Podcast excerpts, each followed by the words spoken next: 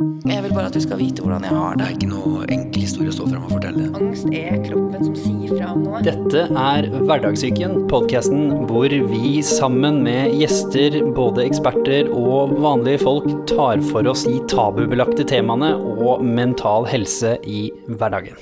Velkommen. Velkommen tilbake til Hverdagssyken, Annika. Og velkommen til alle dere som hører på på da vi spiller inn på denne spesielle dagen hvor vi legger vinteren bak oss og tar imot våren Ja. eh, sammen med Sverige. Ja. Og ikke minst, eh, vi skal snakke om utviklingspsykologi. Det er selvfølgelig et voldsomt tema, så vi har jo snevra det inn noe. Vi skal da snakke om hvordan vi som mennesker utvikler identitet. Altså som barn. Hvordan, hvordan utvikler vi oss da som til å bli et menneske, på en måte? For at vi bare er et vesen, hvis vi skal kalle det det, til, til å faktisk gå inn i og bli, eh, og sakte, men sikkert begynne å, å bygge et jeg, da. Blir det vel, eh, hvis vi skal se på det fra enkeltmannsperspektiv. Ja. Rett og slett. Pluss minus. Ja. ja, det var jo en litt annen vinkling enn hva jeg hadde tenkt vi skulle snakke om, men vi prøver på det også. Det er jo mange veier til å bli et jeg, da. Men eh, det, det det hele starta med, det kommer vi liksom ikke utenom, det er jo at vi er en eh, vi kommer jo liksom fra biologien, da, så vi starter jo faktisk med at vi er et litet frø, enn i et foster. Men allerede, og det er litt interessant i den debatten som vi har i dag, allerede etter tre uker så har vi et nervesystem som begynner å, et sentralnervesystem som begynner å utvikles. Og sånn vi er fire-fem uker, så har vi øyne og ører. Og vi har selvfølgelig hjertet helt fra en tre ukers alder. Og så utvikles jo organ underveis hele veien. Og når vi er, ja, når vi, når vi er i uke sånn cirka uke ni-ti, så begynner hjernen å bli ganske viktig, faktisk, allerede da. Så det er så mye som skjer allerede i den der første eh, altså fosterfasen, da, eller embryonalfasen, som sen går over i fosterfasen. Eh, så kommer det jo et lite barn til verden, da. Og det er jo veldig spennende for både foreldrene som skal ta imot barnet, og for selvfølgelig for eh, Ikke for barnet selv, for det er ikke i stand til å oppleve det, men barnet kommer til verden ikke som et sånn tabula rasa som man tenkte før. At det er liksom et hvitt ark hvor alt kan liksom bli eh, Farget og Far- tegnet. Ja, ikke sant? I dag så vet vi at det er tvert imot ganske mye som dette lille knyttet har med seg når det kommer da, til verden, faktisk. Hva er det det har med seg, da? Sånn av det store trekk? Ja, de, ja, de store trekkene. Så det som er en kjempeviktig ting som det lille barnet tar med seg, er jo at det har eh, øyne å se med. Og selv om linsen er nokså fiksert, så er den fiksert på et ganske effektivt mål, eller med et ganske effektivt avstand, sånn 1-2 desimeter. Og det er helt perfekt i forhold til feed- eller fødesituasjonen, enten man ammer eller gir barnet mat i flaske. Da. Og det er liksom opprinnelsen til det å få kontakt. Og kontakt, siden vi skal komme inn på dette med utvikling av selv og jeg og sånt, er jo ekstremt viktig. Via den der første liksom, blikkontakten da, så utvikles jo mer sånn liksom, større blikkontakt. Barnet lærer seg å følge av foreldrens blikk, lærer seg å forstå hva som er viktig å se på, hva som er interessant å se på, men også hva som er viktig å følge med på for å unngå farer, ikke sant. Så derfor utvikles dette evne til å følge en annens blikk veldig tidlig. Og så etter hvert overtales det med at man peker og utvikler det her repertoaret, da. Så at det blir en større og større sirkel rundt barnet, da, som som barnet kan referere ut fra. Har vi altså litt den, den, den biten som flest av oss kjenner av hjernen, da. Det er jo den instinktive hjernen, den følelsesmessige hjernen og den logiske delen. Er alle disse tre på plass og funksjonelle allerede som baby? Nei, det er det ikke, og vi deler vel kanskje ikke inn det på den måten riktig heller.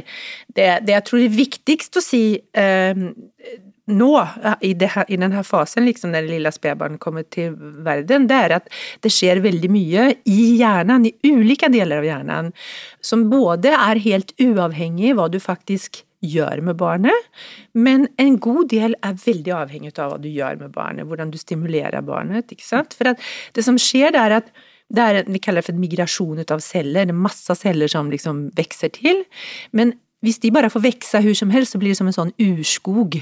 Så derfor må det beskjæres. Så beskjæringen ut av disse ulike grenene, synapser, ulike for, Koblingene. for, koblinger, de, det er veldig viktig. Og det litt sånn, henger litt sammen med hva barnet blir stimulert til. Så for å liksom øke noe, så stimulerer man det. Men det betyr også at For beskjæring handler jo også om at noe blir borte. Så når man velger å prioritere noe, og ikke noe annet, så blir det andre borte. For eksempel, et litet spedbarn er veldig god på etter hvert å gjenkjenne ansikter. Spesielt menneskeansikter. Men hvis man trener et litet spedbarns evne til å gjenkjenne f.eks. en apekatts ansikte, ikke en elefant, men var noe som ligner mennesker, da, men en apekatts ansikte, så kan man faktisk strekke ut den ferdigheten, så at de kan være like gode på det, på å diskriminere, da, kjenne igjen og plukke ut ansikter fra apekatter, som det er i forhold til å plukke ut menneskeansikter. Men hvis man ikke trener det, så blir det borte.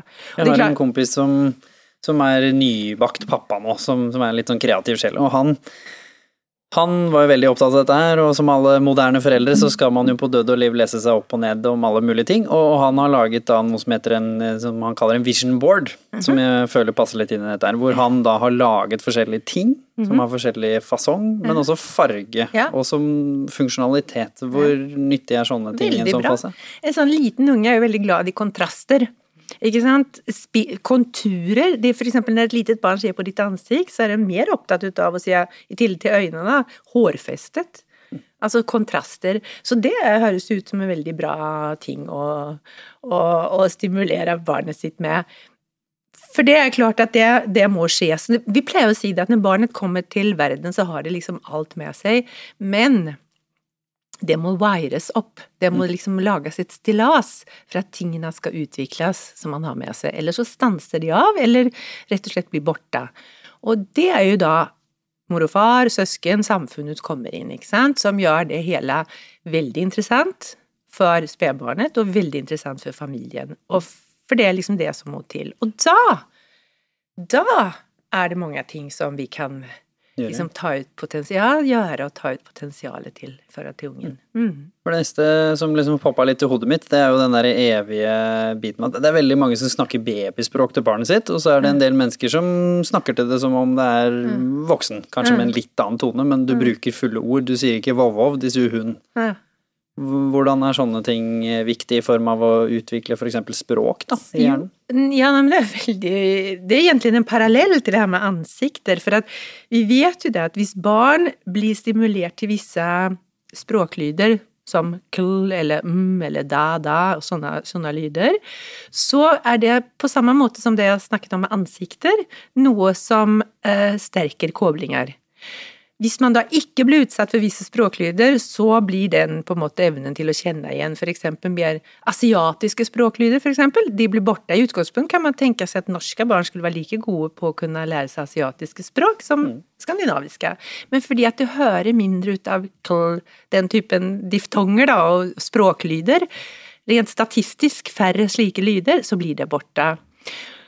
Så när du, det du sier med at man skal prate vanlige ord eller ikke, så tenker jeg på det her stadiet, så tenker jeg at i hvert fall eh, når vi snakker om språklyder, og kunne begynne å formulere språk, så har det nok mindre betydning, for det er diftongene her som blir viktige. Men det er klart, når du skal utvikle et vokabular, så er det jo fint at man snakker, at man bruker vanlige ord. Og så kan man lære barnet hva den her hunden sier, da. Han prater liksom ikke språk, han sier vov-vov. Så det vil man nok gjerne gjøre, for at man på en måte tilpasser seg litt grann også til lydbildet ut av hva disse ikke sant, Hesten gnegger, og ikke sant, så gjør du det. Det er også for at man lager Der kan du se hvor viktig det sosiale er når man skal lære seg ting. Det gjør man jo for at man lager en koselig situasjon. Man ser på noen fine bilder, og man lager koselige lyder sammen. Mm. Men prinsippet om hvordan man på en måte forsterker ulike språklige um, lydbilder, er liksom samme prinsipp som det med ansikter. Altså at det du blir vant til, eller det du får mye erfaring med, det blir forsterket og framstår da på bekostning av andre ting som blir beskåret eller prunet bort. Og så har vi jo det siste elementet før vi liksom går litt inn i mer barnealder, da. Men sånn, når vi snakker om spedbarn, så har vi snakket om mye, ok. Kanskje det er vold i hjemmet, kanskje det bare er dårlig energi. Mamma og pappa elsker ikke hverandre lenger, pappa sover på sofaen. Altså, hvor sårbar er barn for det energiske, emosjonelle som ikke nødvendigvis blir sagt, som, og som de ikke har noe grunnlag til å forstå språkmessig sett? Så, altså barn er jo veldig sensitive for emosjonalitet. For om du høyer stemmen din, eller for om du er sint, for om du, om du er lei deg. Veldig små barn begynner jo å trøste eh, andre som de tenker gråter eller er lei seg, ved å gi smokk til en bamse som man tenker er lei seg. Du vet, så de er jo veldig innstilte på uh, å være et menneske. Så det er klart at, så, at selv små barn får med seg stemninger og emosjonelle tilstander. Og i den forbindelsen så er det liksom kanskje et tredje aspekt, vi snakket liksom om ansiktsgjenkjenning og, og vokabular, men det er jo minst like viktig hvordan denne kvaliteten på omsorgen er, fordi man tenker seg jo at de fleste forhold har det vi kaller for sensitive perioder, eller vinduer, sant? Og vi tenker jo også at det å begynne å inngå i en relasjon i en god, trygg tilknytningsrelasjon, det kan se ut som om også det har et vindu. At hvis det er for rotete, eller hvis det er for lite kontakt, rett og slett, for mye avvisning, at barnet ikke blir ivaretatt, så kan det, lage, så kan det faktisk skade barnet, selv om, det, selv om veldig mange mennesker ville sagt at han eller hun er så liten, så hun får jo ikke med seg dette likevel. Og Det er derfor det kanskje er ekstra viktig, for vi har jo nettopp hatt en episode om om fødselsdepresjon, så det er derfor det kanskje er ekstra viktig hvis kvinner og menn føler de sliter, men at de tar tak i det. At ikke de bare tenker at dette, ja, men dette merker jo ikke barnet nå, så det ordner seg. Ja, nei, det er kjempeviktig. Det er veldig viktig. Fordi at barnet merker jo det. Og, og vi vet jo det at det å få skape en god en god base for barnet, sånn at ungen får inngå en god, trygg tilknytningsrelasjon, det er også så hva skal jeg si, det som en vaksinasjon for livet som kommer. For hvis du får det, hvis du får en god start, så er det nok sånn at det også er lettere å skape andre relasjoner som også blir gode senere. Sånn at det sprer seg liksom til andre områder. Mm. Så ja, det tror jeg er viktig at helse, Der har jo helsesøstrene på helsestasjonen blitt veldig gode da, på å følge opp eh, gravide og nybakte foreldre. Og hva kan på en måte konsekvensene være av hvis man har vokst opp med traumer i barndom, da? Når man kanskje man kjenner på at ja, det har jeg, eller det er foreldre her nå som kanskje kjenner seg igjen at det har vært mye turbulens hjemme. Det trenger ikke nødvendigvis være sånn grovalvorlig heller, men bare høye toner, krangling. Mm. Hva kan langtidskonsekvensene for eh, et, et barn og det emosjonelle være? Altså, jeg er jo absolutt ikke noen som tilhører de som vil måle opp sånne skrekkscenarioer, da, men noen skulle kunne gjøre det og sagt at hvis du er på en måte utsatt for alvorlig omsorgssvikt fra en tidlig alder, så uh, er det ganske mye som skal til for at du kommer på riktig kjøl igjen. Kanskje først og fremst når det gjelder omsorgssituasjonen, at det er viktig da kanskje å få vurdert hvorvidt barnet må bytte omsorgsbase hvis det er hvis vi snakker om sånne alvorlige tilstander. Men hvis vi, ikke, ja, hvis vi liksom tenker oss at vi holder oss innenfor det som er en slags si, normal variasjon, mm. så er det vel også kanskje litt det som kan gjøre oss unike, da. At vi har med oss litt ulike erfaringer. Og noen av erfaringer som vi egentlig ikke burde ha fått med oss, kan jo faktisk også bli både en styrke, og det, også, det, bidrar jo også til vår personlighet, til den vi blir. På, på hvilken måte vi håndterer da angsten, uroen. Det har jo veldig mye å si for hvem vi framstår sånn som personer. Eh, så, så, hvis man skal snu litt på det, så er det jo veldig mange andre veier ut av en dårlig start enn å tenke at det går bare en vei rett ned. Mm. Men det kan jo mm. kanskje være viktig å ta tak i den identiteten også mm. seinere, hvis man har følt at man har hatt en mm. turbulent barndom, man kanskje ikke tenkt noe på det. Mm. Og så sitter man igjen med det som oppleves som litt sånn lugne, mm. veldig dype traumer nå, mm. som plutselig kan bli problematisk i voksen alder. At man kanskje skal gå helt tilbake dit for å prøve å forstå det bedre. Ja. Det er jo mye det, det er jo det som er, hva skal jeg si, en, en psykoterapeutisk prosess. Så vil man jo vi psykologer er jo veldig glad i da å tenke at vi må et stykke tilbake for å reparere. Om ikke for å liksom gjøre om alt på nytt, så i hvert fall for å få en refleksjon over hva som har hva er det som gjør at jeg føler meg avvist? Hva er det som gjør at jeg føler meg i denne situasjonen her så lett avvist, når det samme skjer med en annen som ikke føler seg avvist? Altså, de spørsmålene der er jo typisk sånne som kan komme av at du som litet barn har blitt neglisjert eller ikke sett, ikke ivaretatt. Mm. Eller omvendt, hvorfor må jeg skrike så høyt, hvorfor må jeg syne så mye og bråke og gjøre masse ting før jeg endelig kan roe meg ned? Og så må man kanskje snu litt på det og si at jo, men du måtte ta så stor plass i familien din. Typisk i midten født eh, av tre barn, eller ikke sant. Ja. Trenger ikke være noe alvorlig lenger. Trenger ikke være traume. Mm. Og så hadde vi nettopp et intervju med en person som, som var pårørende til en, en, en veldig syk bror, mm -hmm. og som i den rollen naturlig tok en omsorgsrolle, og i karakteristiske trekk kanskje vokste opp litt for fort, da. Måtte mm. liksom passe på og sånn. Mm. Det også nevnte du i stad, at det er jo naturlig for barn å gi bort smokken til mm. bamsen og sånn. Hvordan, hvordan, kan noe sånt påvirke når man, når man blir eldre, da? Når man har blitt barn og kanskje begynner å passe ekstra på, mm. prøver å ta mindre plass mm. hvis mamma og pappa kanskje mm. sliter, mm. sånne ting. Hvordan, hvordan er det vanlig for barn? Nej, men og der, det er jo også viktig, for att det jo, det er så lett at vi tenker at de som bråker og er høyrøstede eller er bråkete eller har avvisningsreaksjoner, de har vansker. Men det kan jo absolutt være like store vansker på de som har som vi kaller for internaliserende internaliserande vansker, altså de som snur ting innover og som føler at de må, som du sier, trå til siden og, og være den som skal hjelpe. Og det er jo fint, det er jo fine egenskaper, men på ett eller annet tidspunkt så kan det være at det tipper over sånn at man blir veldig lei seg og deprimert. Det er jo det, kanskje den vanligste effekten av at man har gått inn i altfor mye hjelperolle eller trådt til side for andre og for andres behov. Eller at man går inn i relasjoner som er dårlige for en. Andre eh, som skal utnytte deg på ulike måter. Så der er det jo viktig også å bli bevisst om hvorfor den her trangen til å hjelpe og til å Ikke sant? Kommer fra. Hvor den kommer fra. For bedre å kunne velge om det, er, om det virkelig er sånn jeg vil leve dette livet. Mm.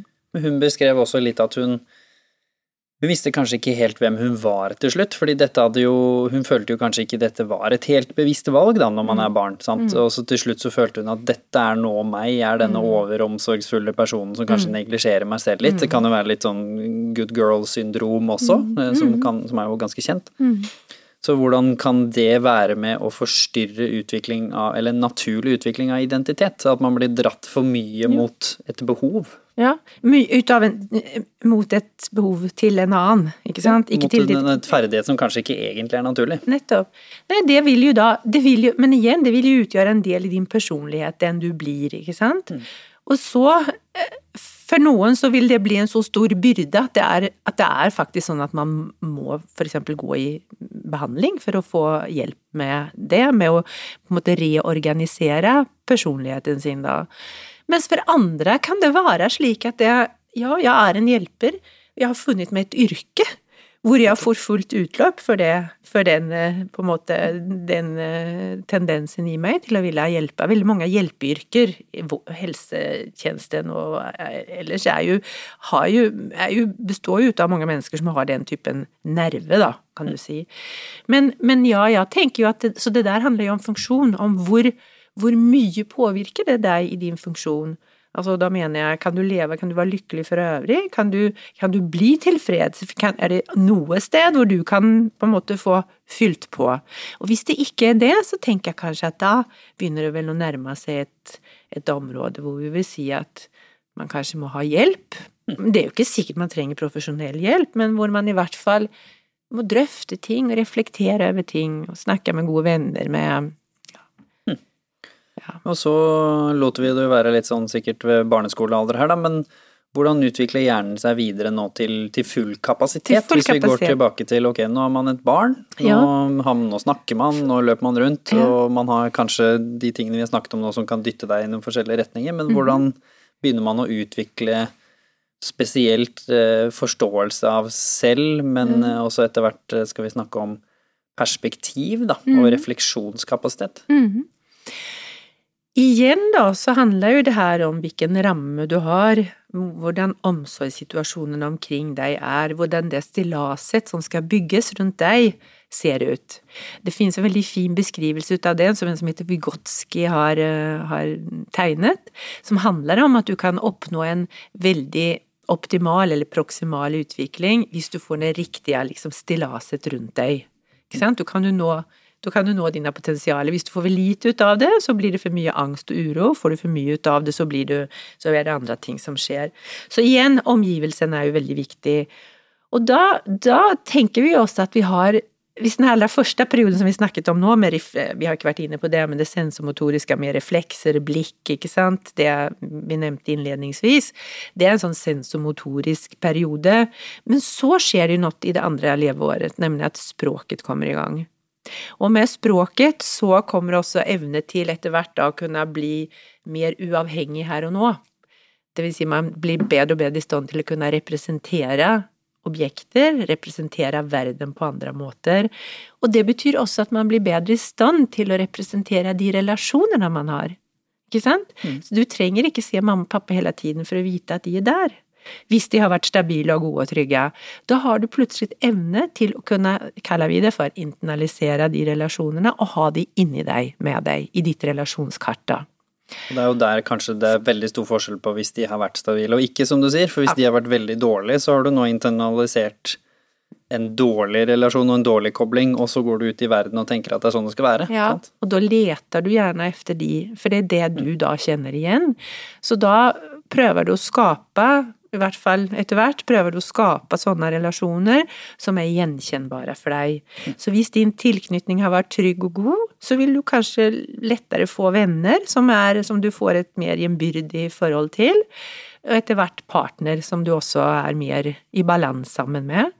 Men hvis det her første tilknytningen har vært preget ut av mye utrygghet, og kanskje i stad snakket vi om avvisning, men ambivalens da i hvert fall, så vil du kanskje søke objekter der ute som er både veldig snille, men også veldig skremmende for deg, sånn at du får en sånn av og på-relasjon.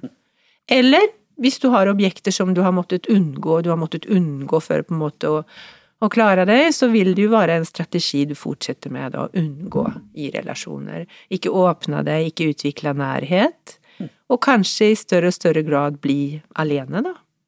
Ensom. Og når er det følelser kommer på her? For det er jo mye snakk om nå med, med følelser og forståelse av hva en følelse er kontra hva en reaksjon er, mm. og sånne ting. Når, når, er det det begynner å komme inn på banen her? Jeg vil si at følelser har jo små barn. Altså, de, følelser har jo helt fra starten. Reaksjoner vil jeg koble mer til at det er eh, på en måte kroppslige reaksjoner, eller at det er eh, Du kan sette i gang reflekser, på en måte, det er en type reaksjon, men følelser fins jo ved siden av hele veien. Du gråter, du blir kald, du er sulten, du har behov for nærhet for å bli tatt opp. Du er redd, du våkner på natten, og du er bare syv måneder, og du er redd, vet ikke hvor du er, så du trenger trøst. Så følelser har jo spedbarn hele veien. Mm. mm. Men er det forskjellen på følelser og forståelser av følelser? For det er sånn ja. som jeg sa jo at jeg jeg, forst, altså, jeg, hadde jo følelser, selvfølgelig, men jeg forsto jo ikke hva de var. Jeg forsto jo ikke hvordan de påvirket meg, så jeg trodde jo bare at det var sånn det skulle være. Ja, ikke sant, for da må du begynne å få ord for hva det er du føler. Ikke sant? Følelser er jo en tilstand. Og så må vi begynne å beskrive hvilken tilstand du er i, og det gjør jo som regel omsorgsfulle foreldre. Hjelper jo barna med å sette ord på ja, 'nå skjønner jeg at du er lei deg', 'nå er du trøtt', 'jeg ser at du er sliten nå', 'nå må vi hvile oss', ikke sant. Så man får, man får både omsorg og ord med i pakken. Så det, det, som er viktig da, for å forstå hvilken følelse man har, det er jo nettopp de ordene, og refleksjonen omkring hva det er, hvordan det føles, og hva det gjør med deg. Ja, når jeg er trøtt, da må jeg hvile meg, ikke sant. Det er dumt å begynne å løpe maraton. ikke sant. Så, ja. Så det kommer jo med ordene. Altså, det barnets andre og tredje levnadsår så begynner barnet å få da et større og større vokabular. Ikke nødvendigvis knyttet til alle spesifikke følelser, for det kommer nok ikke før litt senere igjen, men allikevel ord som gjør at barnet kan begynne å forholde seg til verden da med, med representasjoner, med lek, i forhold til andre, til andre barn og til andre voksne, som jo også kan bli da et supplement i en dårlig omsorgssituasjon. Så allerede der finnes det muligheter for å reparere og supplere. Så er det jo mye snakk om når er det i det hele tatt mulig for barn å begynne å utvikle det vi i dag kaller psykiske helseplager slash lidelser. Mm. Når er det det er mulig å egentlig å utvikle, da, eller populært sett, når er det det egentlig begynner å bli et problem? Så da snakker vi om ulike typer, ikke sant. For jeg mener barn som er født med Det finnes jo en del Det fins jo ganske mange med nevroutviklingsforstyrrelser, og det er klart det begynner vi bli ganske i psykiatrien og habilitering blir ganske gode på å gjenkjenne veldig, veldig tidlig. Kanskje allerede i løpet av det første året, mange ganger. Men hvis du snakker om mer effekter av typ omsorgssvikt og dårlige relasjoner eller negative, ikke-optimale relasjoner, så kan vi jo se det tidlig det med. Barn kanskje blir da for eksempel ta situasjonen i barnehagen, begynner å kjøre inn en unge i barnehagen som da eh, er utrygg, vil kunne reagere litt ikke etter normen, vil si enten ved for eksempel å aldri ville at mor og far skal gå, klenge seg til mor og far, og når mor og far da tar opp barnet og vil trøste det, så vil ikke barnet og forskyver ungen mor og far tilbake, ikke sant. Eller det andre kan jo være at de blir kjempeglade, de bryr seg ikke, de sier ikke ha det engang, de bare går inn i barnehagen og har det kjempebra med alle og smiler og skratter, det skjer ingenting, det er helt glatt. Det kan jo også være et tegn på at barnet ikke har det bra.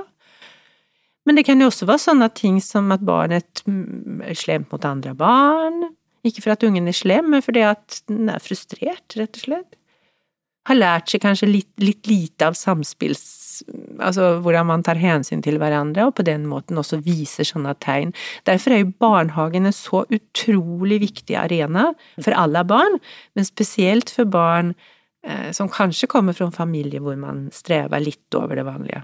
Ja, for man snakker jo sånn som jeg hadde jo ADHD og hadde litt mye energi, og når jeg vokste opp med det, så var jo det sett som et problembarn-label. Men, men, det der du sier med at man har Vi har jo intervjuet veldig mange mennesker som har beskrevet, når de har hatt sånne ting, så har de beskrevet frustrasjon, mm. uro, ting de ikke har klart å sette ord på, og så mm. har det fått et utagerende utløp, som du sier. Du har jo enten den internaliseringen, men så har du også dette mer vanlige utagerende utløpet. Mm. Hva er det som egentlig skjer inni hodet deres da, som gjør at, e, som du sier, egentlig snille barn ender opp med å kanskje skrike og hyle, kaste noe og få sånne litt sånn kalde utbrudd, da? Hva er det som egentlig skjer inni mm. hodet deres?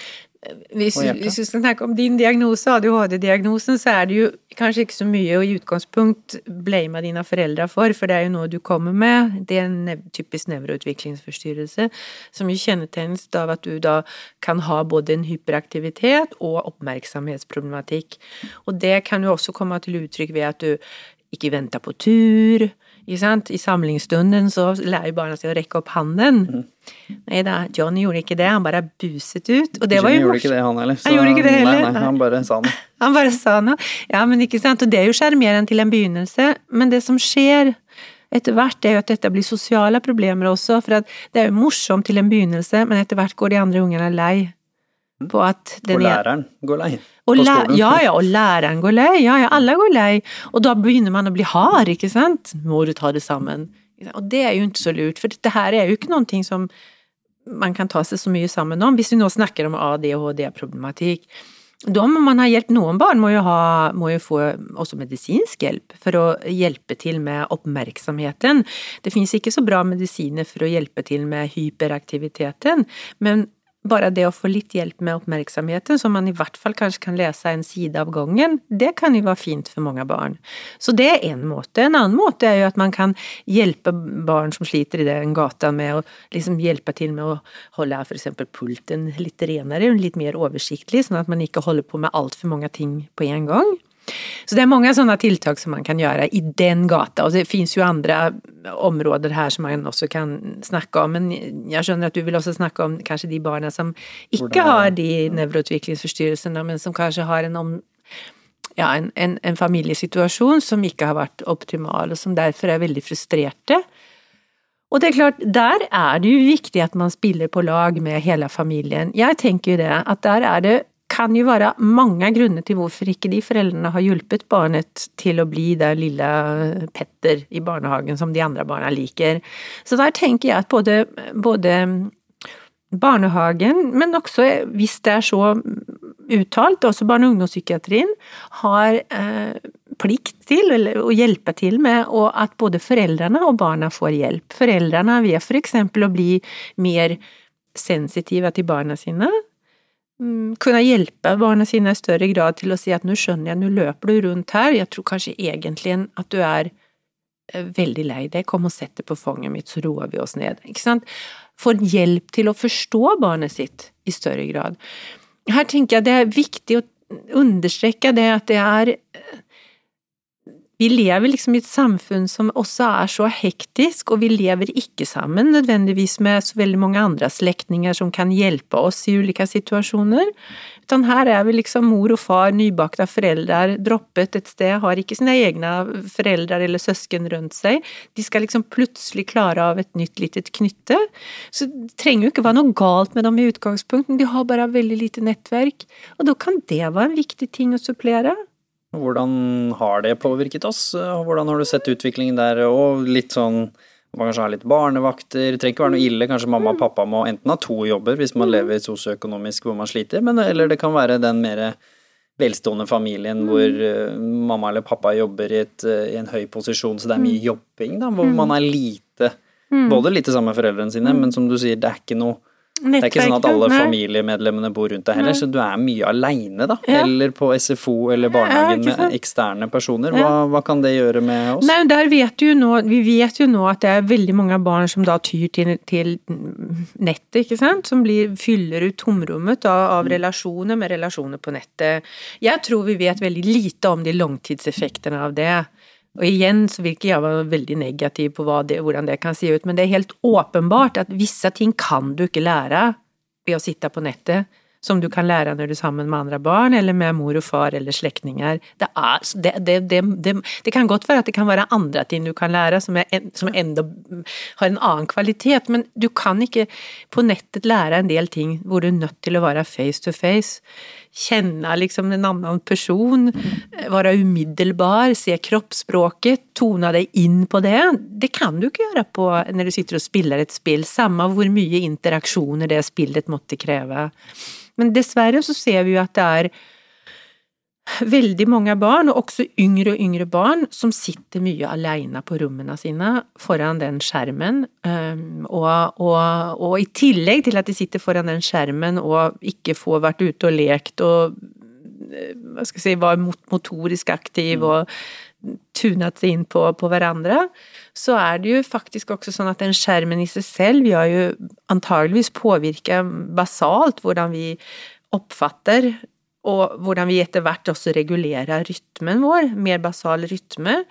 Sånn at for eksempel eh, vansker med å sove, sovne inn eller våkne opp, er jo mer frekvent nå enn hva det har vært tidligere. Mm. Eh, og vi snakket om, om, dette med å kunne konsentrere seg om andre ting. Du får en sånn avhengighet til å være ved den skjermen. Den skaper en type avhengighet. Så jeg syns jo det er egentlig en ganske ubehagelig utvikling. Og bare for å gå bitte litt tilbake til spedbarn igjen, siden det, er, eh, det begynner der, så vet vi jo at dette her er noe som de store aktørene markedsfører nå vanvittig hardt. Det finnes sånne ting som du kan sette opp en liten sånn skjerm på vuggen til og med, sånn at det lille barnet skal lære seg å se på skjermen og på det som beveger seg der. Du kan trene pottetrening med en sånn iPod-variant som du setter på potten, så barnet skal sitte der og trene, pottetrene med en skjerm. Altså, det er et helt univers ut av produkter som er liksom designet for disse små, og vi ser samtidig da at det skaper både en avhengighet, det minker den sosiale flatan som man har med andre, som du trenger for å utvikle deg selv og din identitet. Altså, det griper jo også inn i sånne ting som at du blir eh, overvektig, for du får beveget deg mindre. Og i barneårene er det veldig viktig å få utviklet motorikken sin, klatre i trær og kjenne alle de liksom sensoriske tingene og ikke sant alle voksne vet jo det, at man, man, om, du lærer, om du gikk på skøyter når du var liten, så er det mye lettere å ta det opp når du er voksen, enn om du skal starte med det som voksen. Og det har å gjøre med hvordan hele vårt nevrale system er bygget opp. Hvorfor er det sånn? Det er en liten fun fact. Hvorfor lærer man raskere nye ting som barn og tenåring og ungdom enn som voksen? Vet vi det? Du har mye Det, det som vi snakket om i begynnelsen, både det med på en måte den her um, selvdelingen og hvordan vi på en måte eh, lærer erfarenhet, søker oss til ulike erfaringer. Altså vi er mye åpnere, vi har mye mer å gå på ut av helt sånne eh, koblinger. Eh, när vi blir eldre Vi har en ny peak i tenårene ser det ut til. At det igjen blir en sånn tilvekst i, i dette Læring. systemet. Ja. Men så er det ikke like mye. Allikevel så er det jo plastisk helt til vi blir veldig gamle og kan lære, men ikke like greit. Det er helt åpenbart. Vi lærer oss ikke like greit. Og vi, mange andre funksjoner som også er viktige for læring, klinger jo av. Hukommelsesaspektet, for eksempel, blir jo dårligere. Og så kommer vi jo inn i tenårene her, da. Ja. Og vi ser jo, hvis vi ser på statistikk, så ser vi jo kanskje at de mer alvorlige tingene innenfor psykisk helse, hvor vi da snakker om suicidalitet og selvmordsproblematikk og håpløshet og disse tingene som handler om kognitiv refleksjonskapasitet også. Det er jo ikke bare følelsen, det er jo at du også mener noe mm. reflektivt og subjektiv eh, virkelighetsforståelse. Når er det det begynner å virkelig bli godt utviklet? Ja, altså det er, det er jo så Du vet, det du snakker om nå, det er følelsene. Hva skjer i tenårene? Masse hormoner. Det er både liksom testosteroner, det er kjønnshormoner, du skal liksom meite, du får lyst på å gjøre mange andre ting som du ikke har hatt lyst på før. Så det biologiske grunnlaget, det liksom eksploderer i tenårene. Samtidig som det som skal kontrollere våre impulser, det vi kaller for sånn eksektive funksjoner, da, kontrollfunksjoner, de har ikke utviklet like raskt. Så det er et glapp mellom, kan du si, det liksom som, som, som på en måte booster opp vårt nervesystem underifra, og det som skal liksom ta ned det litt. Så det ligger i biologien. Uavhengig av, kan du si, uavhengig omsorgserfaringer, så er det en utfordring. Det er mye jevnere i barneårene, faktisk. Da er eksektive funksjoner jo dårligere i barneårene enn hva de er i tenårene, men de, det er ikke samme trykk underifrån. Så det er faktisk mer en jevnere utvikling enn hva det blir i tenårene. Og så i 20-årene så begynner det å gå ned igjen, så du har liksom en sånn kurve som går sånn. Ja. Jeg så hørte en podkast en gang som gikk veldig i dybden, som hadde gjort eh, veldig dybdeundersøkelser på forskjellige mennesker som, som hadde havnet som ekstremist eller i fengsel, eh, men også toppidretts... Altså mennesker som hadde gjort ekstreme ting, både positivt og negativt. Og man så at de i disse tenårene hadde en Det var lettere å få til visse ting på grunn av at fryktbiten var borte, men også den impulskontrollen var borte. Så det kan jo gå både ja. negative Ja, ja. og, og positive sider. Ja. Så det henger jo da sammen med dette her. ja, ja, ja. Og det er jo fantastisk, altså den kraften som tenåringer har med liksom det ta risk og, og slike ting. Det er jo superflott, men det er altså som sagt var også kan jo innebære at det er noen momenter som eh, som blir litt vanskeligere å styre, da, eller at det skjer noen uhell. Ikke sant? Det gjør det jo. Men så, hvis du da legger på det her perspektivet med at man har en omsorgssituasjon eller har relasjoner med seg som ikke har vært optimale, Eller mobbing, El- eller ja. problemer på ungdomsskolen. Ja, ja. Altså, det trenger ikke å være familien lenger Nei. nå heller, for nå Nei. har man jo en større sosial Ja, ja. sirkel. Ja, ikke sant? Ja, absolutt. Nei, da er det jo Det er mange ting som slår inn der. Absolutt. Men det er klart, hvis du har eh, Hvis du er utsatt for mobbing, så er jo det Og, all, og liksom har med deg en trygg base hjemmefra, så vil jeg jo tenke at du har et stort problem med mobbingen, men du har tross alt en, hva skal jeg si, en reservoar, eller en base, ja, som hjelper deg til å kunne ta igjen ta, Ja, for eksempel at du da sier det til noen, til foreldrene dine, 'jeg må ha hjelp', eller læreren din. At du har en trygghet i relasjoner rundt deg som gjør at du kan si at 'jeg må ha hjelp', eller 'dette går ikke, jeg er lei meg'. Liksom. Så du søker hjelp. Men hvis du ikke har det, så er det ikke sikkert du gjør det. Da kan du betrakte det som en del som skjer meg, for jeg er dårlig. Jeg er en skrutt uansett. Sant? Ehm, Så det er, det er eh, komplisert. Og så er det jo også sånn, du vet, i tenårene så vi har jo fått den her boosten med hormoner og greier, både fordi at vi skal gjøre noe med det. Vi skal nemlig forsvinne fra familien vår. Vi skal frigjøre oss. Vi skal søke nye partnere, etablere oss for oss, ikke sant? Og det som kan være vanskelig når man ikke har en hel relasjon med seg fra tidligere, det er jo nettopp det å frigjøre seg. For det, det er vanskeligere å frigjøre seg fra noe som er ambivalent eller litt ødelagt, enn noe som er mer integrert. Spesielt hvis du føler den omsorgen og de tingene vi snakket om i stad. Ja, nettopp. At det ikke er der. Du har ikke noe å sparke fra, liksom. Er Eller ikke- kontroll. Sosial Nei, kontroll, ja. som man også har jo opplever hvis relasjonen er Mm. sosialt eh, kontrollert og dårlig. Mm. Det er jo flere aspekter som, Ja, ja. som kan hindre der. Men hvorfor er da denne gruppen, altså for jeg har sett en del forskning også, som viser jo selvfølgelig at denne gruppen er jo ekstra sårbar for dessverre da den tunge psykiske helseproblematikken, fordi man har ikke ennå utviklet fullstendig perspektiv. Så jeg husker Jeg var jo suicidal som 13-åring, og jeg husker jo veldig tydelig at når jeg ser tilbake på det nå, så var jo min perspektiv og virkelighetsforståelse var så liten at i min da verden i mangel av perspektiv, så var det veldig lett å forstå hvorfor jeg følte at det var håpløst og nå orker jeg ikke mer. Mens hvis jeg hadde dratt en tre-fire år frem i tid og lagt på det perspektivet jeg da satt med, og da snakker vi bare om sånne banale ting som at jeg kommer fra bygda, bitte liten. Når jeg gikk på videregående, så plutselig satt jeg dette en ny by, jeg hadde reist litt, jeg forsto at hele verden er ikke filtvet der hvor jeg bor. perspektiver, ja. Mm. Så hvorfor er dette så farlig at man lettere kan bli håpløs, og lettere kan føle at situasjonen er uløselig når man mangler perspektiv? Nej, men det er jo nett, du forklarte jo selv. Det er jo, nett, det er jo perspektivet at du har det, at du ser andre utveier. du får andre knagger å henge ting på. Det trenger ikke å være sånn. Det er folk som jeg ligner, som ikke, de er ikke her, men de er der. Jeg kan strekke meg et annet sted. Så det er jo en enorm Det er litt det jeg mener også med den tenårsperioden, den her boosten ut av hormoner som gjør at du skal søke det ut, innebærer jo en andre mulighet til å se nye ting, få nye relasjoner, og, og møte mennesker som du kanskje lettere kan identifisere deg med enn de du faktisk kommer fra. Så hvorfor er kanskje da covid ekstra farlig nå, da, for den gruppen som vanligvis kanskje hadde dratt på ungdomsskoleleir, hadde møtt hverandre, mens nå har vært ekstremt isolert i et år, i den perioden hvor de skal utvikle dette? Hva kan konsekvensen være av det? De Det er jo det du sier, da. Det er vel det vi ser. At de barna som da ikke får gjort det Altså, det, det går tålelig bra, med de aller fleste barna. De gjør det, vi må si det. De gjør jo det under covid også. Men det er noen barn det i hvert fall ikke går bra med. Og barne- og ungdomspsykiatrien rapporterer en 30% økning, også blant yngre barn. Og alvorlige ting som spiseforstyrrelse, selvskading og den eh, problematikken der, i større grad enn tidligere. Det er jo viktig å legge til grunn at det er, skjer. Og det jeg tenker at det du sier, det er vel også svaret på det hele, at de får da ikke den muligheten å lufte seg med andre. Ehm, De blir da gående, hvis det er en ikke optimal situasjon de lever innenfor, så blir jo ikke den noe bedre.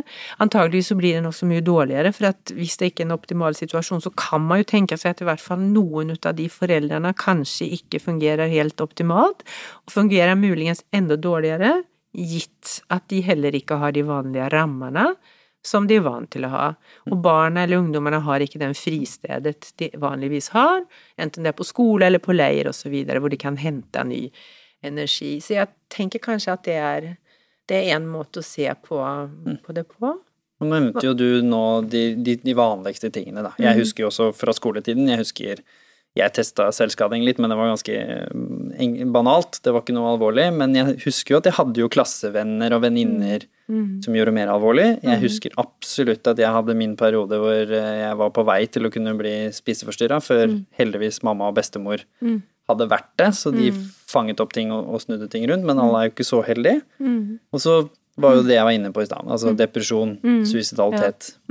Hvorfor er det ofte oppsving i disse tingene i dette aldersspennet? Hvorfor er det at man får så mye frustrasjon at man blir litt ekstrem, da, hvis man skal kalle det? Ja, jag det tror jeg er mange forklaringer på. Jeg er ikke, jeg er ikke noe orakel og kan si at det er derfor og derfor, men jeg tror av det vi har snakket om så langt, så tenker jeg at én faktor har med disse kontrollfunksjonene våre å gjøre. Eh, For hva skal de egentlig gjøre? Nei, de skal hjelpe oss å nedregulere impulser. Så når hjernen din, eller vårt system, signaliserer fare, eller lyst, eller sinne, så skal de bidra til å si ro det litt ned, eh, tenk litt gjennom, er det lurt å liksom løpe frem og kysse henne nå, eller burde du gjøre noe annet istedenfor, eller er det lurt å slå inn det vinduet der, eller er det virkelig lurt å kutte seg nå?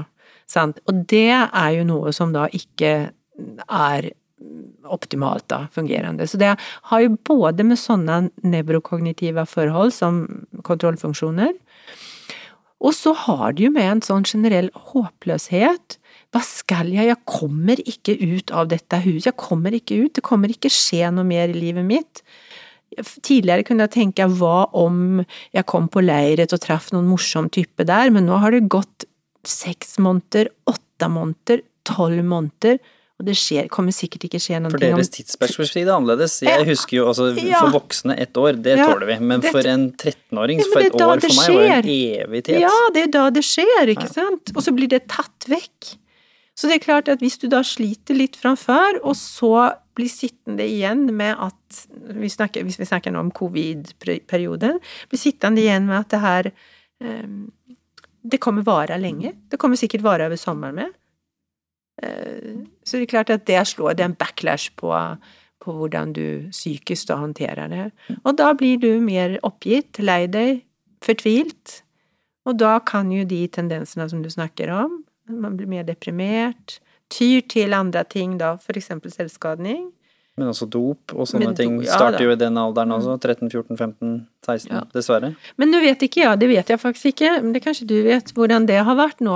Det er mulig vanskeligere å få tak på dop i covid-tider, så jeg vet ikke om det har vært eh, noen endring i mønstret når det gjelder eh, unge som på en måte tyr Tror man har sett begge deler. Det vel, har vel vært antydninger til at det har vært vanskeligere å få tak i visse ting. Vi har Ja. snakket med litt sånn folk i politiet og sånt Mm. som, som har hatt innsikt i dette, men man har også sett man så jo nå i SHoT-undersøkelsen for høyere studenter at de eh, ser ut som de drikker mindre, f.eks. For, mm. eksempel, for å bruke det letteste rusmiddelet. Som, ja. Som ja, det er jo greit. Det har jo regjeringen åpnet opp for at vi skal ha. Jo, men du ser ja, faktisk at de ja. drikker mindre, da, selv om de har slitt mer, eh, og veldig mye mer. Så, så det er jo noe positivt. men men eh, ja, så kommer man jo til Så roer dette seg bitte litt. Kommer man på mm. videregående, blir man mm. 16-17-18, 18. mm. Da skal man bli voksen. Hva er det som skjer nå? I, i, og hvis vi skal snakke om nå, mm. ta med den på slutten her, utviklingen av identitet og jeg. Mm. Fordi nå, som du sier, nå skal vi jo ri- løsrive oss fra familiesituasjonen og konteksten, og så skal Mhm. Vi bli et enkeltindivid. Og i tillegg, som du pekte så fint på i stad, Mhm. vi er et veldig individualistisk samfunn. Ja. Hvor dette individet har mye høyere verdi enn det det hadde for 40 år siden. ja, det er Og større krav til hva Ja, du skal få til alene. til, ja. Mm, ja, absolutt. Mm. Så hva skjer nå, de årene her? Nei, det kan du si. Det er jo en enorm Og denne pressen som ligger på de unge nå, med at de skal ha utrolig gode karakterer, samtidig som de skal være kjempepene, og de skal spise rett og ha en kropp som Ikke bare skal de være slanke, men de skal ha en kropp som er shapet på en spesiell måte. Alt det, De skal ha alt på en gang. Når jeg vokste opp er i 50-årene. Når jeg vokste opp, så holdt det at du hadde ett ut av de, på en måte. Men nå skal du liksom score på alt. Og, og disse, disse kodene er jo kanskje noe, for, noe forskjellig også, litt avhengig av hvilken gruppe du identifiserer det med, da. Men, men, men i, i det store og det hele så er det jo en enorm krav på de unge nå, på hva de skal oppnå. Og hvor mange er det som gjør det? Som oppnår å ha en shaped kropp? Altså det er det nye, du skal ikke være nødvendigvis slank lenger. Du skal liksom bare ha Og i tillegg så Riktig. utvikler vi oss forskjellig, så det kan jo være noen som hadde muskler, husker jeg, når de var 13-14, og så Ja.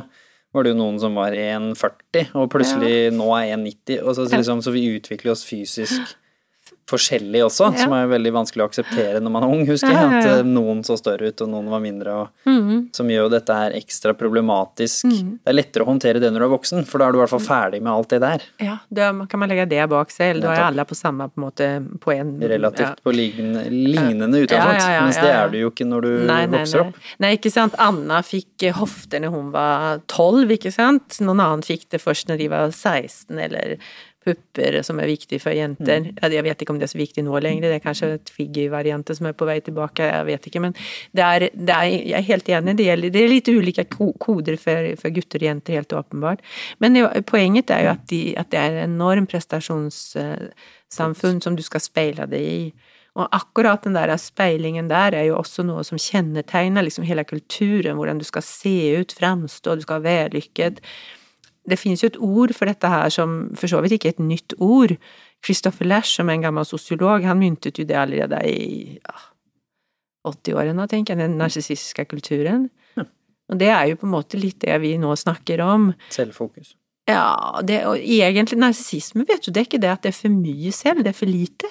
Det er jeget. Kjernen er uttømt. Det er ikke en kjerne der. Det er derfor du søker speiling og refleksjon overalt. Det er mangel på selvverd, men du har veldig høy selvtillit, for eksempel. Nei, det har du ikke. det er ikke. liksom forskjell på de to. Jeg tror ikke du har høy selvtillit. Du har veldig Behov for Mm, Du har veldig behov for å bli speilet og applaudert, ikke sant? For det du gjør, for dine prestasjoner, for det du, den du er, hvordan du ser ut, alt det overfladiske. Og det er klart, det det, og, det, og det er tomt jeg, ikke sant? Det er ikke fylt med disse objektene som vi snakket om tidligere, utan det er utarmet. Det er utarmet. Og det er jo en, en Det er jo liksom selvets problematikk, snakker vi jo om, mer enn egots eller jegets problematikk. At selvet er utarmet, og, og som Narsissos-myten. Han satt jo og speilet seg, og Mm. så bare seg selv i Så ikke det andre som foregikk. Da mangler du i hvert fall perspektiv og de Ja. tingene. Ja. Vi hadde noen som sa noe veldig spennende, som sa at uh, når jeg vokste opp, sa han, og omtrent på, på min alder, så, så handlet det jo om å f.eks. være best i vennegjengen i noe. Mm. Ja. Eh, det handlet om å kanskje være den som var sterkest i vennegjengen, eller den som var finest, eller Mm. du sammenlignet deg med mindre forhold. Mhm. Og så var det plutselig kretslag, ikke Mm. Og så var det en bitte liten kanskje drøm om, om et landslag, hvis vi snakker om idrett Ja. eller i kultur eller dans Ja. eller musikk. Mens nå så ser vi jo at barn og ungdom som spiller for eksempel Fortnite, da, et spill som var veldig populært i hvert fall tidligere, Mm. så kan man jo se en live ranking for Norge og for verden mens man spiller. Mhm. Og dette er veldig vanlig på, på mange spill, som da plutselig gjør at det er jo ikke bra nok lenger og har slått en kompis i et spill. Plutselig så er du fortsatt ubetydelig, fordi du er nummer eh, åtte millioner Mm. på lista over rankingen i Skandinavia, for eksempel. Så det er sånn, hva kan det gjøre? Mm. For her snakker vi om sosiale medier også, som har kommet inn de siste tiårene. Det har jo gjort det samme, ikke innenfor idrettsverden, men innenfor den sosiale verden, så er du ikke bra nok lenger. Nei. Du må sammenligne deg da med Thunberg, Ja. Du må sammenligne deg med da den på en Ja, måte fantastiske er. 16-åringen som nå spiller på Ja. et landslag som Ja. kom fra Drammen, ikke sant, Martin Ødegaard. Altså sånn, hvordan, hvordan tuller det litt til Mm. med selvverdet vårt og også øker håpløsheten? Fordi da, da når jeg jo aldri opp, og det er ganske tungt. Det er ganske tungt. Ja, for du kan si at det første forutsetter jo enda at du har dine modeller i nærheten. Mm. Så du kan se på de modellene blir jo Hvis jeg skal assosiere litt nå, jeg har ikke tenkt på dette her, men de modellene du har, det blir jo på en måte menneskeliggjorda da, med sine styrker og svakheter. Sant? På kretslaget så ser du han som sparker fotball, han er kjempegod, men han har også de og de tingene som ikke er perfekte. Så du ser hele mennesket, du får et helt objekt som du forholder deg til, som skal være den du identifiserer med eller strekker deg mot.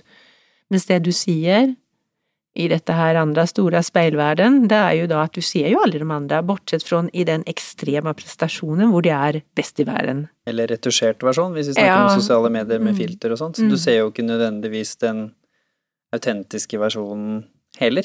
Nei. Jeg har jo løftet opp denne problematikken eh, med American Pie, som når jeg vokste opp, som var liksom en av de kultfilmene hvor Mm.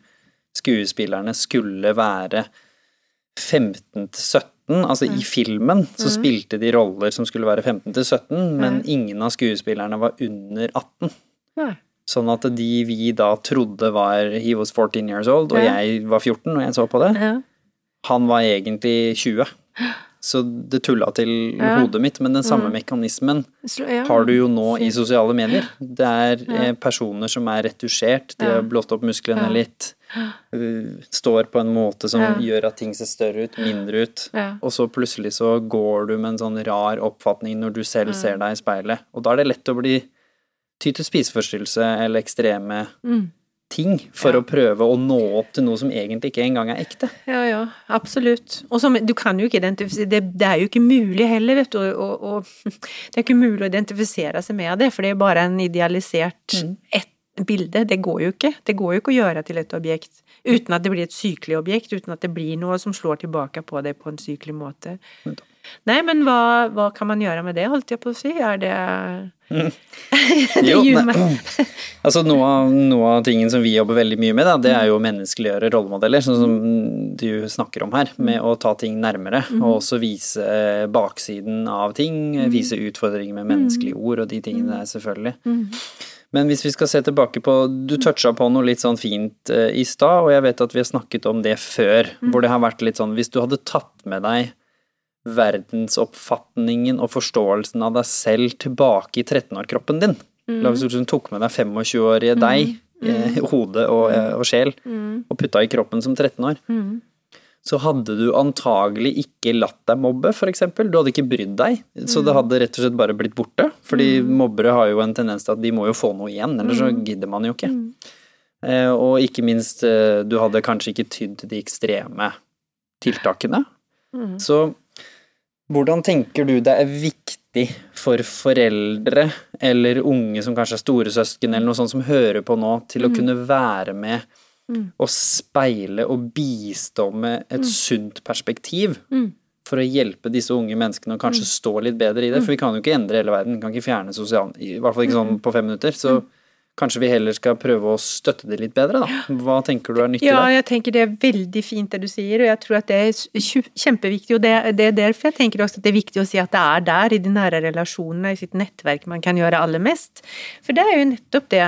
Mor og far kan jo fortelle Jeg har jo vært med på barn som har hørt far fortelle om sine at han hadde, trub, hadde skikkelig trøbbel når han var på samme alder som Si at han heter Petter, da.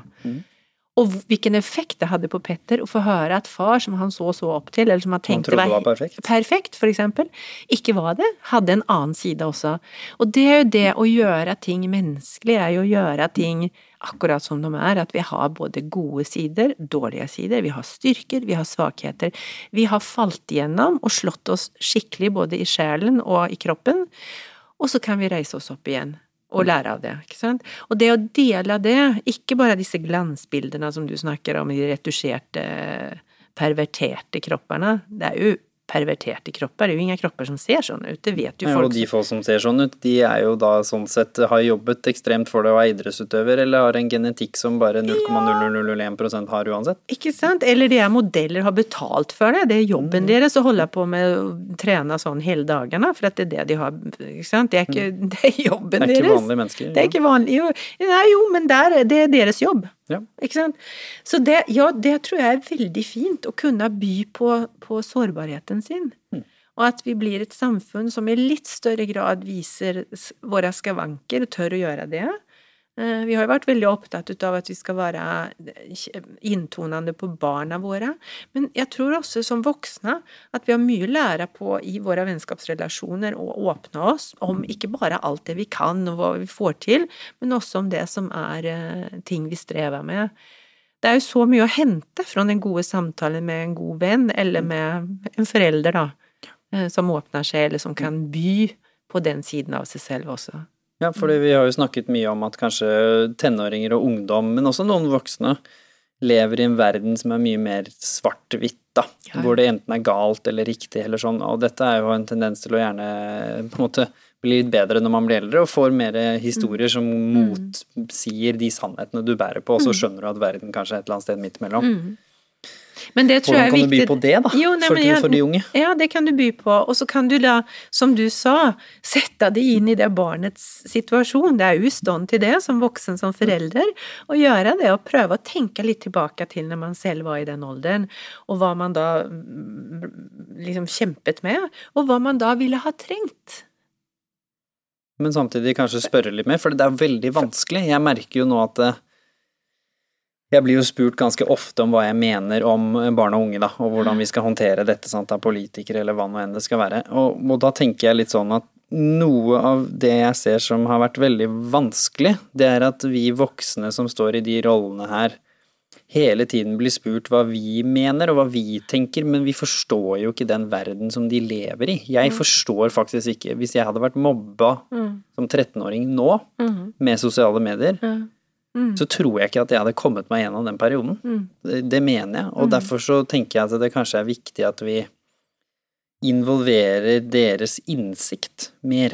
Litt sånn ja, ok, jeg hører at du nå blir mobba, det, har jeg, det kan jeg mye om, men kan du fortelle meg hvordan du blir mobba, og hvordan påvirker det deg? For det er ikke sikkert det var likt som når jeg var Eller det, er- det er helt sikkert ikke likt som når jeg var 13 år. Det kan hende at følelsen av det kognitive er likt, men hvordan man potensielt kan løse det, er jo ikke likt. Fordi nå er det kanskje på Snapchat eller TikTok eller ikke sant. Det er, det er mobbing av en helt annen art, da, Ja. som jeg ikke forstår. Mm. Ja, så du må jo lære deg det, du må interessere deg for hva barna dine holder på med, og hvordan det ser ut i deres verden. Så det må jo du ha tatt tid til som forelder, rett og slett, å gjøre. Men jeg tror jo at det er viktig å være klar over at man som forelder har et veldig fortrinn i å kunne hjelpe barna med nettopp tankene og følelsene, for at der er du et annet sted. Og jeg tror det er viktig at foreldre tar den ledelsen. Tar den rollen som de eh, trygge voksne de er, og ikke Jeg skjønner hva du er ute etter, at, de, at barna har mye mer større peiling på de tingene de gjør. Men, men ikke tror, hvordan de skal håndtere det, nei, bare på informasjon, bare ja, på situasjonen. Ja, så man må ikke liksom blande nei. og tenke at barnet skal ha løsningen, men mer barn, som du sier, du må jo mm. Før du kommer med løsningen. Vi foreldre er jo litt sånn, ikke sant. Ja, mm. jeg, du blir mobba, gjør det. Mm. Og så har vi glemt mm. den fasen i midten, hvor vi har glemt å spørre barnet litt. Ja, men hvordan mm. blir du mobba, og hvordan oppfatter du det? Ja. For det er lett å tenke det vi snakket om i stad. Jeg har tatt meg selv i Enda jeg er jo litt over snittet engasjert i dette. Så jeg har tatt meg selv i å glemme hvor lenge tre måneder for eksempel for en 13-åring er. Mm. Fordi for meg er jo tre måneder jo, altså Det går så fort at jeg nesten blir litt uh, deprimert nesten av det, på en måte, fordi det går for fort. Men da det, kan det være litt lett å undervurdere situasjonen, mm. Mm. og da føler de seg ikke sett. Og da, da, blir de litt sånn, da gidder de ikke å høre, Nei. og så går de fra den samtalen, og så mm. føler de egentlig at du er litt dum. At du mm. ikke forstår Nei, at du ikke den. kan hjelpe dem. Nei. Ja, mm. nettopp. Og da mister du jo den ja. tillitsrelasjonen som ja. kanskje for, som mamma eller pappa eller storebror eller storesøster, da. Ja. Men derfor er det jo viktig da å gi rom og plass til den samtalen, ikke sant. Det er jo ikke noen ting som du bare gjør på vei ut av døren. Har du det bra i dag? Har du hatt det bra i dag? Det kan jo begynne sånn, men det kan jo ikke slutte sånn. For du må gi rom og tid til det. Og det er der jeg mener at det også kan være viktig da for å initiere en sånn samtale, og selv by på mm selv om utfordringene ikke var det samme som du hadde, som, som barna har nå, så er det noe som man som menneske kan kjenne igjen i det å være utenfor eller bli mobbet, hva det måtte være, som man kan by på. Man kan jo som forelder ane at det er noe som kanskje er i Heiminga. Mm. I hvert fall hvis man tar seg litt tid, da. Det er klart, i en travel hverdag så er det ikke alltid foreldre heller eh, får til det, men innimellom så tror jeg det er viktig at foreldre virkelig gjør det.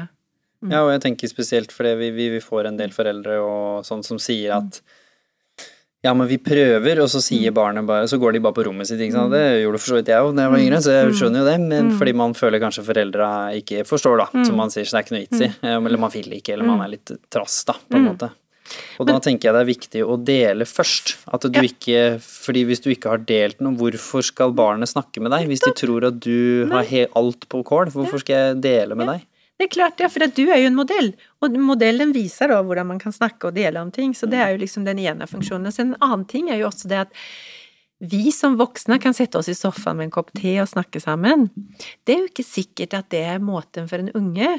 Det kan jo heller være at vi tar oss en biltur. Mm. Eller eh, løpetur i skogen hvis man er der, ikke sant. Det går en tur, for da tur. har vi jo lært at da er det lettere å snakke om følelser, fordi du trigger motorikken, sant? så ja. du kan lure ut følelser ja. litt fortere. Ja. ja. Eller at du, ikke sant at du Og ro rundt deg, og ja, natur. Det er ikke nettopp. så mye stimuli. Mm.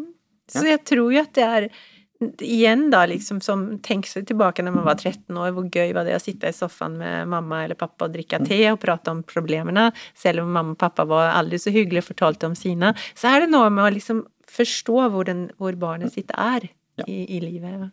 Og sist, men ikke minst, da, hvis du skal ta en liten bit om Ok, la oss si vi nå er voksne, da ung voksen eller eldre voksen, og så mm. har man kjent seg igjen i noen av disse tingene, og så skjønner man at man ikke har tatt tak i de. Vi har vært mm. innom det et par ganger underveis, mm. men, men hva slags råd har du til voksne mennesker som nå skjønner at de sitter med en eller annen form for forhistorie? Som skaper eh, problemer nå, som gjør at det har blitt såpass strevsomt at det nå er i veien for livskvalitet. Hva anbefaler vi da? Jeg tenker da, for det første så tenker jeg at først så kommer jo følelsen ut av at noen ting ikke er helt bra.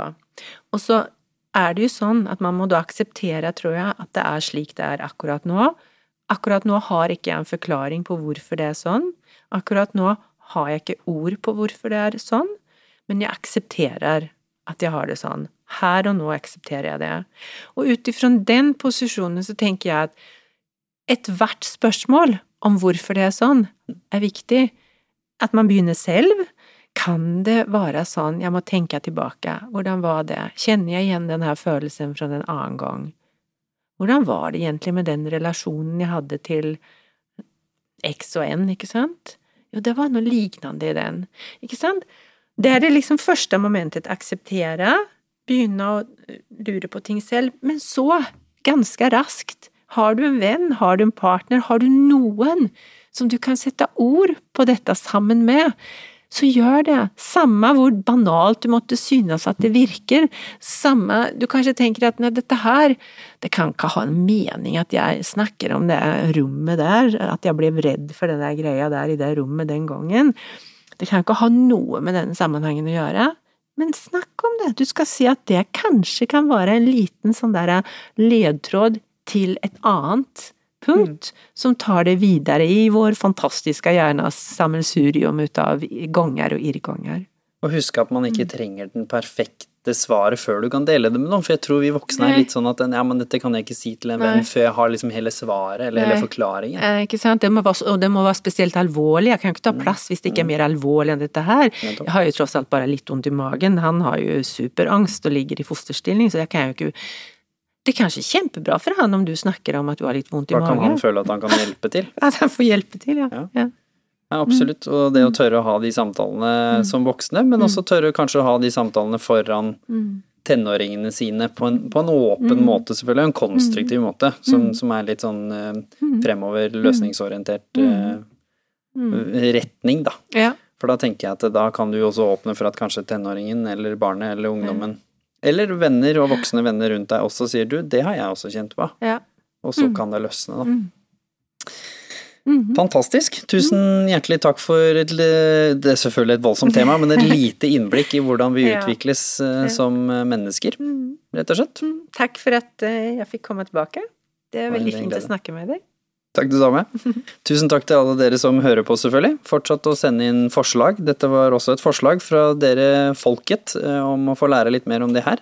Så det setter vi pris på. Og ikke minst del selvfølgelig episoden, fordi da kan du gjøre den ene gode gjerningen som gjør at kanskje noen i din krets trengte å høre akkurat fra Annika og bitte litt fra meg nå. Og husk å ha en så god dag som du ønsker å ha. Og tør å være litt nysgjerrig og stille spørsmål, men tør også å dele noen av de spørsmålene og refleksjonene med de rundt deg. Mm. Trenger ikke å løpe til det mest alvorlige hjelpetiltaket med en gang. Det kan starte med å snakke med de rundt deg. Ha en fin dag, folkens.